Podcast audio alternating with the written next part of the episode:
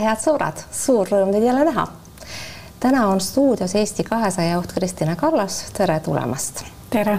nagu tellitult saime täna hommikul teada, et peaaegu on erakonna esimehe valimised ja täitsa võimalik, et teie erakonna juhina üldse ei jätkagi. kui kindlalt te ise ennast tunnete? mina kandideerin uuesti erakonna juhiks. see otsus on mul olemas ja selle otsusest ma täna ka erakonna liikmetele teatan. kes on need teised võimalikud kandidaadid teie kõrval?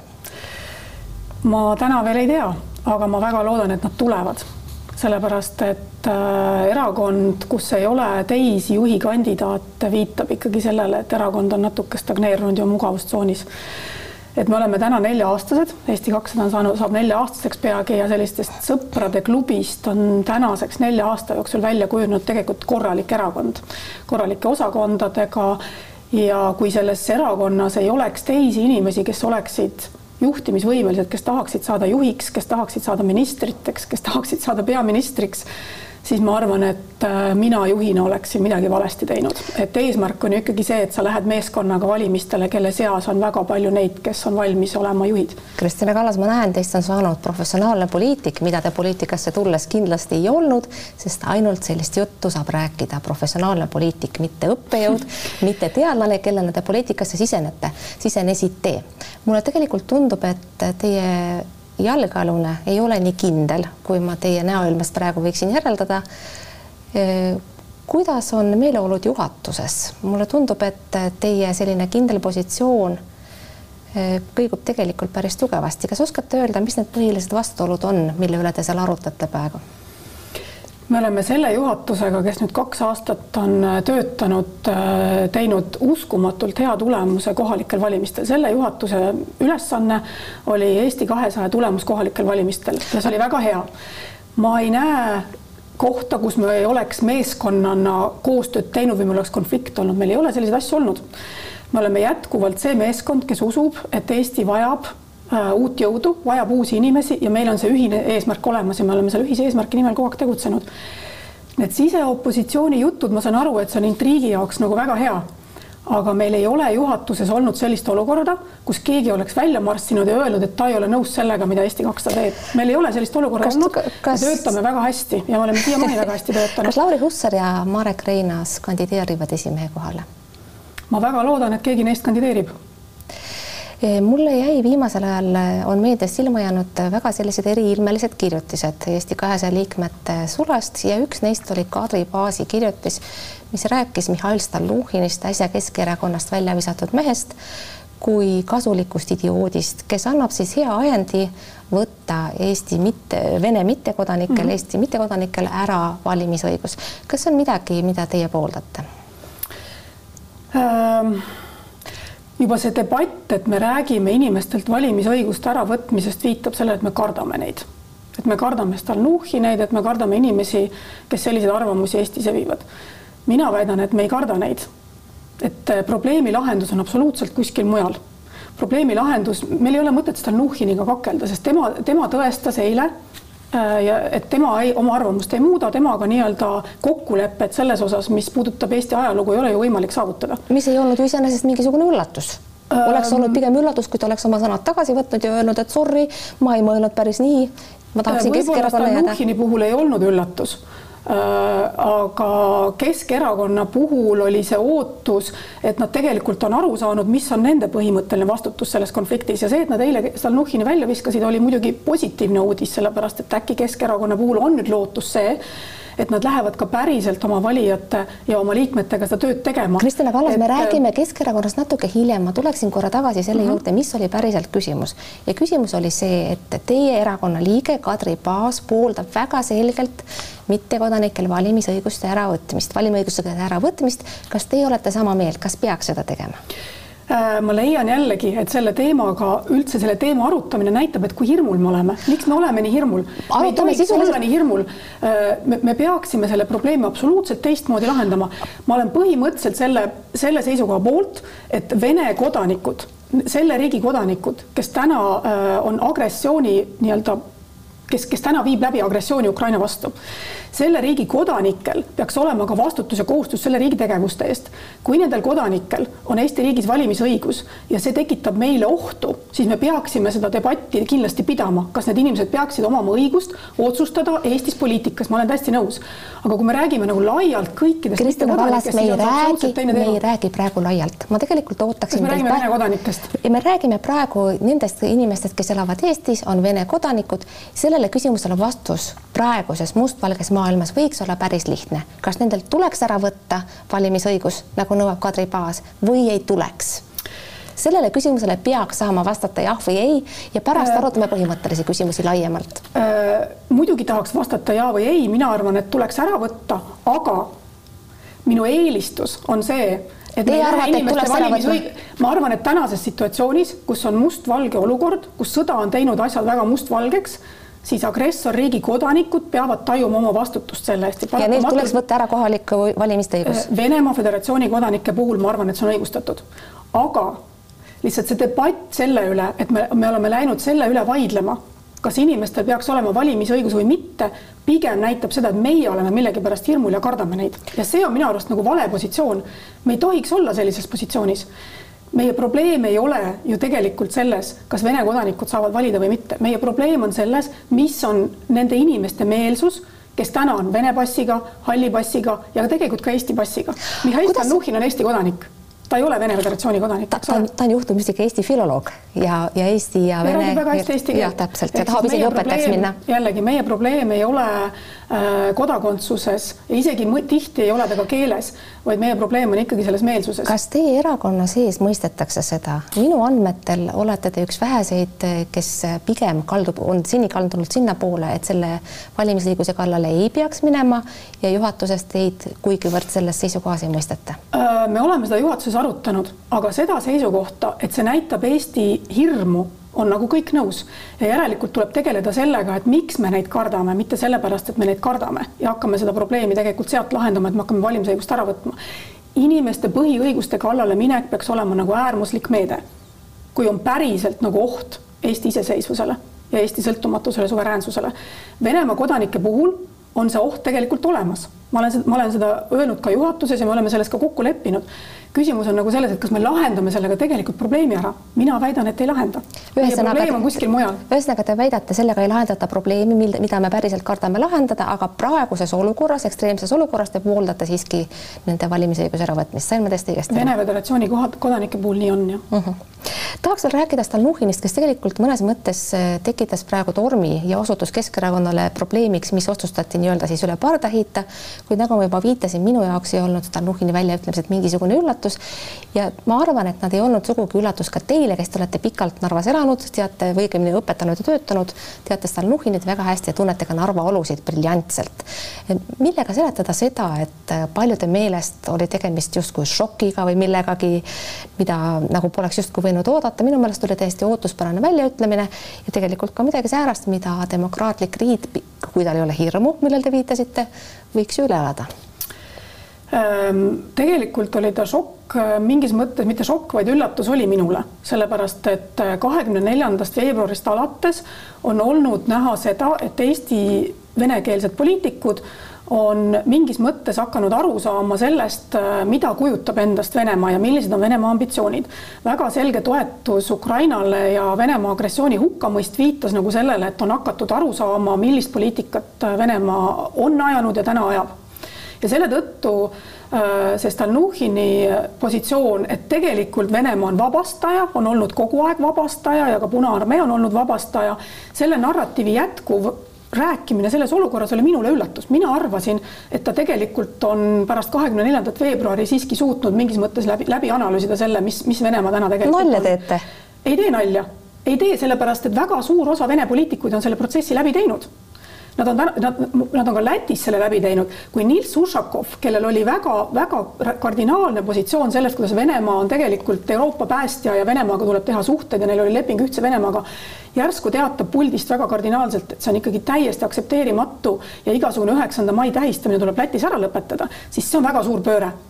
Ja, ja minu ootus oli ja ma arvasin, et Eestis ka Vene poliitikud on selle pöörde ära teinud. Stalnuhhini ütlus oli mulle üllatus, et ta Kas läks teie... nii radikaalselt ikkagi seda positsiooni kaitsma. Eh, kuidas teile tundub, mina lugesin lehest pealkirja, et Stalnuhhin tuleks tühistada, ma saan aru, erakonnast väljaheitmine on üks asi, aga, aga selline tühistamise nõudmine, et kas see on midagi see on midagi, mis üllatab mind või šokeerib mind. kuidas see nagu teile tundub? minu meelest ükskõik missuguseid arvamusi keegi ka ei esita, kas erakond ta välja viskab, on üks asi, aga kutsuda inimest tühistama on minu meelest hoopis muud ja midagi täiesti sobimatut demokraatlikku iseseisvasse enesekindlasse riiki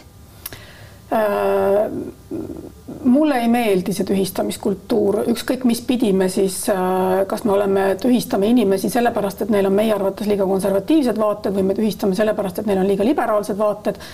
ma arvan, et see on äh, ühiskonnale ohtlik tendents Äh, ja selle tõttu loomulikult mingit Stalnuhhini tühistamist kuidagi või üleskutset sellele heaks kiita ei saa. Stalnuhhiniga võib mitte nõustuda, äh, Stalnuhhiniga võib mitte koostööd teha, äh, Stalnuhhiniga võib, kuidas nüüd öelda, temaga koalitsioone mitte moodustada, aga, aga tühistada ja öelda, et ta inimesena enam ei ole olemas see on ju sisuliselt see, et me nagu dehumaniseerime teda ja ütleme, et ta inimesena ei ole olema olemas, siis mina arvan, et see on küll väga vale tee, kuhu minna. Eesti kakssada lahkus Narvas koalitsioonist pärast seda, kui tanki teisaldamise asjus taheti minna kohtusse ja lõpuks jäigi see tanki teisaldamine seal Riigikogu teha mm, -hmm. riigi teha, mitte, mitte volikogu tegevuse kaudu ei jõudnud see lõpule. ja teie jaoks siis oli see nagu viimane piisk, et taheti ka minna riigiga kohtusse aga samas ei tohiks teile ju Narva meelsus olla kuidagi üllatuseks, ma saan aru, et erakond loobus selle koostöö tegemisest, aga kui te räägite praegu, et Stalnuhhin üllatas, siis tegelikult vaevalt said teid jällegi tausta tõttu, taustateadmise tõttu kuidagi üllatada ka need uudised, et iga neljas eh, inimene eh, Eestis, venekeelne inimene toetab sõda, et selles mõttes nagu selline üllatuse moment peaks olema välistatud, isegi parteipoliitilises plaanis ähm,. Narvas pikalt äh, selle augustikuise tanki arutelu juures tegelikult oli suundumus vaikselt liikumas sinna, et volikogu enamus oli väga selgelt võtmas seda meelt, et me peame selle tanki sealt eemaldama. See ei olnud lihtne, aga ma nägin ja mul, minus oli tegelikult see lootuse kiir, nimetage mind naiivseks, kui te tahate, aga minus oli see lootuse kiir, kui Keskerakond, kui äh, Jevgrafovi äh, valimisliit ja koalitsioon tegelikult leppisid omavahel kokku, et me viime selle tanki sealt ära, me saame väga hästi aru, kuidas see ühiskonda lõhestab. Te arvasite, et, et nad viivad? nii, aga allkirjad paberile anti, kõik andsid allkirja, kõik nõustusid, et volikogus läheme hääletama äh, tanki äraviimise eest ja minul oli tunne, nii ka Eesti kahesajal oli tunne, et see on tegelikult väga suur asi narvakatel niimoodi ise otsustada ja see on muutus, mida me oleme Narvas väga kaua oodanud. nagu üsna pea hakkasite te rääkima, et riik peaks seda tegema, et ei peakski volikogu. Ei, riik, riik pidi tegema otsuse, et punamonumendid peavad Eesti avalikust ruumist lahkuma, seda otsust oodati riigilt päris pikalt, see lõpuks tuli ja siis oli ka Narva volikogul selge, et see otsus on tehtud. Ja nüüd on küsimus selles, et kas riigiga minnakse koostööd tegema ja võetakse vastutus ja minnakse, võetakse ise see monument sealt maha, sest see oleks tegelikult narvakate jaoks olnud äh, palju parem lahendus kui see, kui riik tuleb ja võtab ära, see oli selge. konflikti vältimiseks äh,, nende kõikide negatiivsete emotsioonide vältimiseks, mis täna seal on, oleks Narva pidanud selle tanki ise eemaldama. Ja selleks oli valmidus olemas ja see oli minu arvates äh, Narva ajaloos väga suur fundamentaalne aga muutus. siis tuli riik ei lasknud seda asja ei, lõpule viia? siis ei tulnud, siis tuli Stalnuhhin ja teatas kaks tundi enne volikogu istungit, et tema siiski ei okay. ole nõus sellega. no ja edasi on ajalugu. ja edasi on, me teame, et on mhm. ajalugu, mis oli kurvaks tegev, oli see, et Narvas täna tegelikult toimub selline uue põlvkonna ja vana põlvkonna äh, vaheline äh, noh, nagu võimuvõitlus, et seal on küsimus selles, et kes lõpuks nagu seal tänase valimisperioodi jooksul seal pinnale jääb, sest, sest sihuke jõudude vahekord on selline üsna tasakaalukas. kuivõrd te, kuivõrd te mõistate. Katri Raigi hilisemaid nii varasemaid kui ka hilisemaid väljaütlemisi, mis tegid tast äh, põhimõtteliselt peksukoti mõlemalt poolelt, et teda ei mõistetud ei mm., ei, ei Eesti riigi vaates ega kohaliku poliitika vaates, aga tema põhisõnum oli väga lihtne, et ikkagi Eesti riik tegi valesti, aga noh, nüüd me peame minema kuidagi edasi ja et narvalaste tundeid tuleks mõista.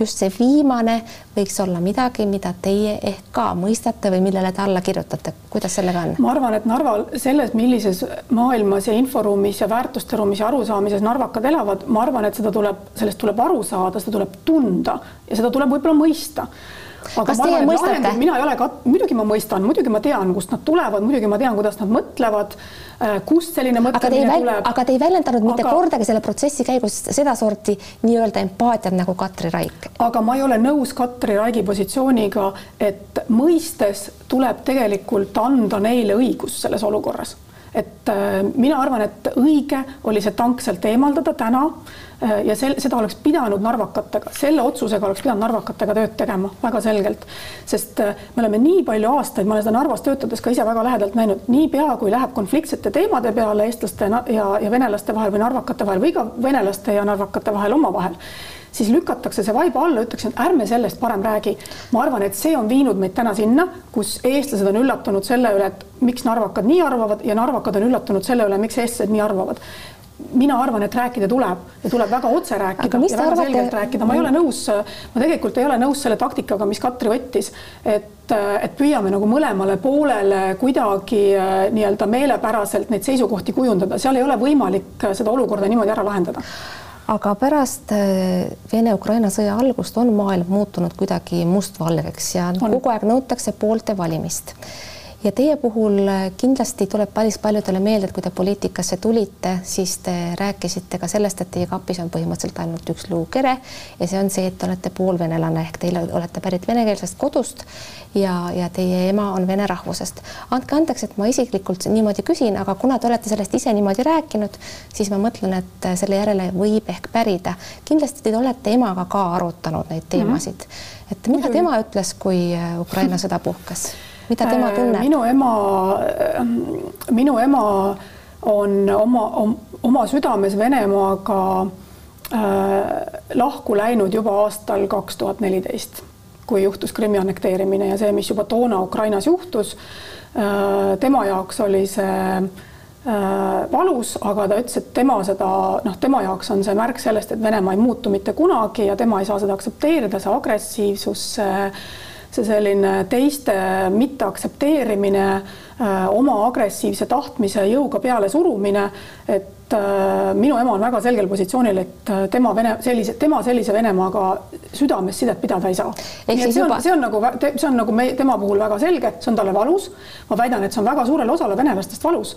Venemaaga ära lahutada ennast südamest Venemaa, see on valus aga nad on pidanud seda tegema ja minu ema on üks neist, kes on seda väga teadlikult enda jaoks teinud. teinud juba kaks tuhat neliteist, kui meie siin alles äratuskellasid kinni vajutasime. kaks tuhat neliteist ja ma rääkisin mhm. -huh. emaga muidugi väga palju ka sellest tanki teemast ja ja noh, tema väga kindel positsioon on see, et et seal tuleb olla väga konkreetne ja resoluutne, et me ei saa mängida seda mängu, et et äh, noh, me ju mõistame teid, et hea küll, et äh, laseme siis sellel kõigel ikkagi olla, et noh, ma olen, ma olen oma emaga nõus, see ei saa niimoodi jätkuda. me peame olema väga konkreetsed selle koha pealt, mil, milline positsioon meil selles sõjas on ja milline positsioon on meil Venemaa ja Punaarmee nii ajaloo kui tänase positsiooni kohta kui äh, te poliitikasse tulite, siis mäletatavasti tekkis Eesti kahesajal ja EKRE-l üsna kiiresti selline terav vastasseis ja EKRE meediakanalid ründasid teid ka muuhulgas teie päritolu mm -hmm. ja mhm. teie ema pärast.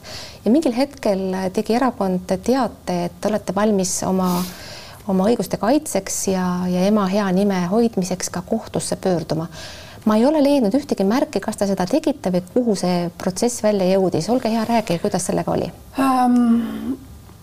Kõrvalepõikena muuseas EKRE ründas mu ema sellepärast, et mu ema ei oska eesti keelt. ta muuhulgas levitas ka vist valeinfot. ja valeinfot mingist kommunistlikku parteisse kuulumisest ja ma ei tea, mingist interrindest, see on ikka, see noh, see on ikka üsna jabur ja kõik, kes mu ema tunnevad, noh, neil, mu ema muidugi naeris selle peale, see tegi talle kohutavalt nalja. aga teile mitte arusaadavasti? minule ta ei teinud nalja, sellepärast et äh, noh, see on sulaselge vale, mul ei ole ema mitte kunagi komparteisse kuulunud internetist räägimata, rääkimata et äh, aga mu ema on nagu hea näide sellest, äh, kuidas äh, keel ja keeleoskus ei näita tegelikult siinsete venelaste puhul ära seda meelsust, mis neil südames ja hinges on, ei näita. et see on nii lihtne nagu mustvalgelt öelda, kui eesti keelt oskad, järelikult oled eestimeelne, kui eesti keelt ei oska, järelikult oled venemeelne. see ei ole nii. aga kuidas selle kohtuasjaga? no võtsin advokaadiga ühendust, kogusime materjalid kokku ja mingil hetkel ma lihtsalt tundsin, et et, et ma ei taha seda räpast äh, võitlust pidada. Te jätsite selle sinna targem paika? annab järele, ühesõnaga, et ma jätsin selle sinna paika, ütlesin mm, -hmm. et ma ei ma ei taha seda räpast võitlust pidada. aga te annate endale aru, et juhul, kui te pääsete erakonnaga Riigikokku ja juhul, kui te jääte erakonna juhiks, mis ei ole sugugi kindel, nagu me alguses rääkisime, siis hakatakse teie päritolu jälle kasutama poliitilise relvana ja võib-olla peate uuesti pöörduma kohtusse ja kui me meenutame seda, mis juhtus Marina Kaljurannaga mm, -hmm kellele samamoodi heideti päritolu tohutumalt ette, arvestades veel Ukraina sõja tausta, eks ole, siis teie võimalused peaministriks saada on suhteliselt ahtad. Noh, nagu ma ütlesin, see on see luukere, mida vastased saavad ükskõik millises kontekstis äh, sildina mulle otsa ette kleepida, et äh, et no ma ei pääse sellest, et ma pean lihtsalt seisma selle eest, et äh, jah, mul on vene taust, jah, ma mõistan venelasi, võib-olla keskmisest paremini kui eestlased, ma tean, kust nende mõtted tulevad, ma tean, miks nad niimoodi arvavad. ma arvan, et see on mu tugevus. sellepärast, et ma suudan nendega suhelda aga see ei tähenda seda, et ma nõustun Stalnuhhiniga. see absoluutselt ei tähenda seda, et ma nõustun Stalnuhhiniga, ma absoluutselt temaga ei nõustu. ma tulen veel kord tagasi erakonna asjade juurde ja juhi valimiste juurde. Väidetavasti ja tegelikult ka täiesti arusaadavasti üks põhjusi, miks võib-olla teil tekib probleeme uuesti esimeheks saamisega, on konkurents parempoolsetega päris loogiline oleks ju tegelikult, et kaks uut erakonda paneksid leivad ühte kappi, teie ja Lavly Perling, sest neil on toetajaid vähe ja osa toetajaid äh, läheb paratamatult siis teilt neile, neilt niimoodi ja, ja vastupidi. kokkuvõttes võiks muidu juhtuda see, et mitte kumbki erakond, uus erakond Riigikogusse ei pääse ja teie reitingu pealt on seda juba näha. Ukraina sõja algusega hakkas see kukkuma ja praegu parempoolsed ka vaikselt näksivad, et põhimõtteliselt võiks ju siin teatavad sarnased veendumused olla. kui ma vaatan näiteks elektri hinnaga seotud ja elektribörsiga seotud väljaütlemisi, siis ma ühisosa näen. kas teie olete teinud Lavly Perlingule ettepaneku ühinemisläbirääkimisi alustada või vähemasti siis mingil muul moel koostööd teha?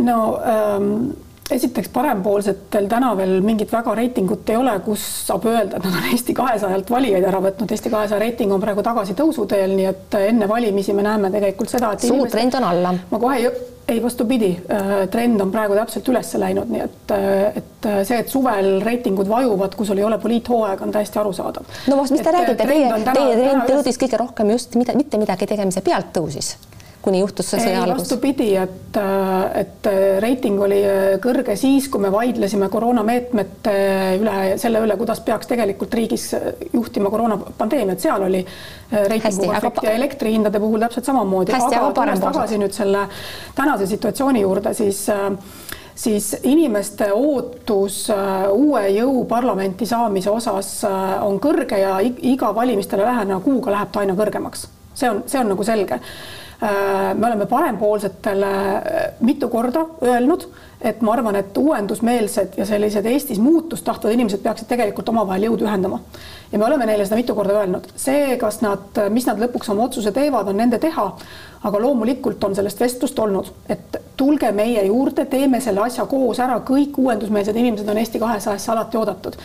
aga, aga meil on noh, meie erinevus parempoolsetega muidugi seisneb selles, et äh, me ei ole parempoolsete maailmavaateline positsioon, et äh, kahekümne esimesel sajandil saab majanduskasvu tekitada ainult siis, kui sa oled selline noh, karm ja, ja empaatiat ja hoolivust ei pea sealjuures olema, et sa lähed karmilt, ütled, et ei mingit toetusi, ei mingit tuge, siis see, ma arvan, ei ole see, millega kahekümne esimesel sajandil tegelikult on võimalik poliitikat teha ja üldse konflikte ei et ole. et nad on teie, et nad on teie jaoks liiga paremal liiga äh, minu arust on see selline möödunud sajandi Margaret Thatcheri stiil, mis täna ei ole enam äh, ajakohane et see, see parempoolne või vasakpoolne skaala ei ole täna see, millel, mil, mis tegelikult nõus, aga millele, aga millele ma võimalikku ühinemist äh, kilbile tõstes viitan, on see, et tegelikult teil ju väga sellist ühtset maailmavaadet ei ole, et sinna pika plaani alla mahub väga palju erinevaid vaateid. Teie räägite ühte juttu, Tsahknal on teine,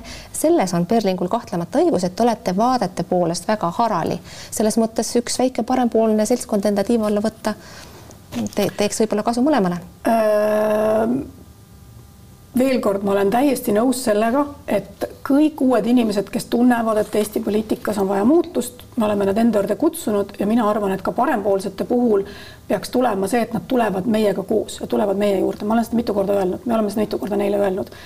Äh, mis puudutab maailmavaadet, siis Eesti kakssada on mitu korda öelnud, me oleme väga selgelt liberaalne ja uuendusmeelne erakond ja see konflikt täna Eesti poliitikas on ju see, et kas me, kas me, kas erakonnad on uuendusmeelsed ja vaatavad ettepoole või on noh, ma julgen isegi öelda, sellised tagurlikud ja vaatavad tahapoole ja otsivad lahendusi sellest, kuidas kümme aastat tagasi oli, järelikult me peaksime minema täna samamoodi edasi tegema. me oleme selgelt uuendusmeelne äh, seltskond, kes tahavad ettepoole liikumist ja, ja parempoolsete seas on väga palju selliseid inimesi. nii et ma arvan, et nende tulevik on see, et nad liituvad äh, selle tugevama jõuga, kes täna on, sellega, et Eesti kahesajaga. no selge. seda, et enam ette ei kujuta, et juhul, kui te erakonna juhiks saate, siis olete kohe ka peaministrikandidaat ja valitsuse moodustaja. ikka kujutate seda veel ette? ikka kujutan seda väga hästi ette, loomulikult see on väga tore, et olete nii optimistlik. tahaksin lõpetuseks pärida veel ühe Sirbi artikli järele vaatasin äh, teie sellist varasemat mõttekäikude jada enne seda, kui kui, kui sõda algas ja enne seda, kui kõik need asjad juhtusid, mhm. milles me praegu elame. ja ühes Sirbi kirjutises viitate ta sellele, et etnilisus tuleks riigi alusdokumentidest välja võtta ja ümber sõnastada, pidamata, pidades siis silmas seda, et riik ei peaks olema etniline, vaid üksnes poliitiline nähtus. Äh, vahepeal on hulk vett muidugi merre voolanud ja rahvusriikide kontseptsioon on tõusnud uuesti kilbile viimaste paari, viimase paari aasta jooksul ka veel enne sõja algust. kuid nüüd kuuldakse neid sõnu hoopis teisiti. kas olete endiselt samal seisukohal? ma olen endiselt samal seisukohal, et Eesti riigi rahva moodustavad need inimesed, kes peavad Eestit oluliseks, mis nende etniline kuuluvus on, mis nende kodune keel on, on antud hetkel vähem oluline. et Eesti venelane, Eesti ukrainlane, Eesti aser peab tundma ennast Eesti rahva osana ja selle tõttu tuleb sealt põhiseadusest leidma ka selle üles, et tema on selle põhiseadusliku rahva osa. ma olen jätkuvalt väga seda meelt. selge see, et eesti keel ja eesti kultuur on selle nii-öelda põhiseadusliku rahva identiteedi väga määrav osa ja need, kes tahavad Eesti rahva hulka kuuluda, peavad oskama seda keelt ja osalema selles kultuuris ja seda kultuuri nii-öelda ka omaks võtma aga see, kui me ütleme, et Eesti riigis saavad Eesti rahva hulka kuuluda ainult e etnilised eestlased, siis ma arvan, et me teeme väga suure vea sellepärast et me tõukame eemale need, kes siin päriselt elavad ja oma seda Eesti riiki oma kodumaaks peavad, nii et et ma arvan, et see on mu, ma olen jätkuvalt seda meelt, et Eesti venelane on Eesti rahva osa. Täitsa lõpetuseks, integratsiooni teema on olnud talle südamelähedane, aga kindlasti paistab see praeguses olukorras, tank, sõda, hoopis teistmoodi kui siis, et mida seal Narvas ikkagi võiks teha niimoodi, et need haavad kinni kasvaksid mõlemalt poolt mis, mis see lühike retsept oleks? ikkagi järgmine põlvkond, et äh, ikkagi see kooliharidus ja järgmine põlvkond, et äh, need, kohe ei juhtu midagi. Need on meie võimalus, kool, milline on Narva kool, mida seal koolis õpetatakse, kuidas seal koolis õpetatakse ja kes on see õpetaja, kes seal klassi kas Stalnuhhin tohiks õpetada? no võib-olla eesti keelt tohiks jah siia lõpetame. Kristine Kallas, suur tänu teile, teile selle kohtumise eest. head sõbrad, aitäh, et te vaatasite. järgmine saade on juba järgmisel nädalal, vaadake siis ikka jälle. vahepeal elage hästi, kuulmiseni ja nägemiseni.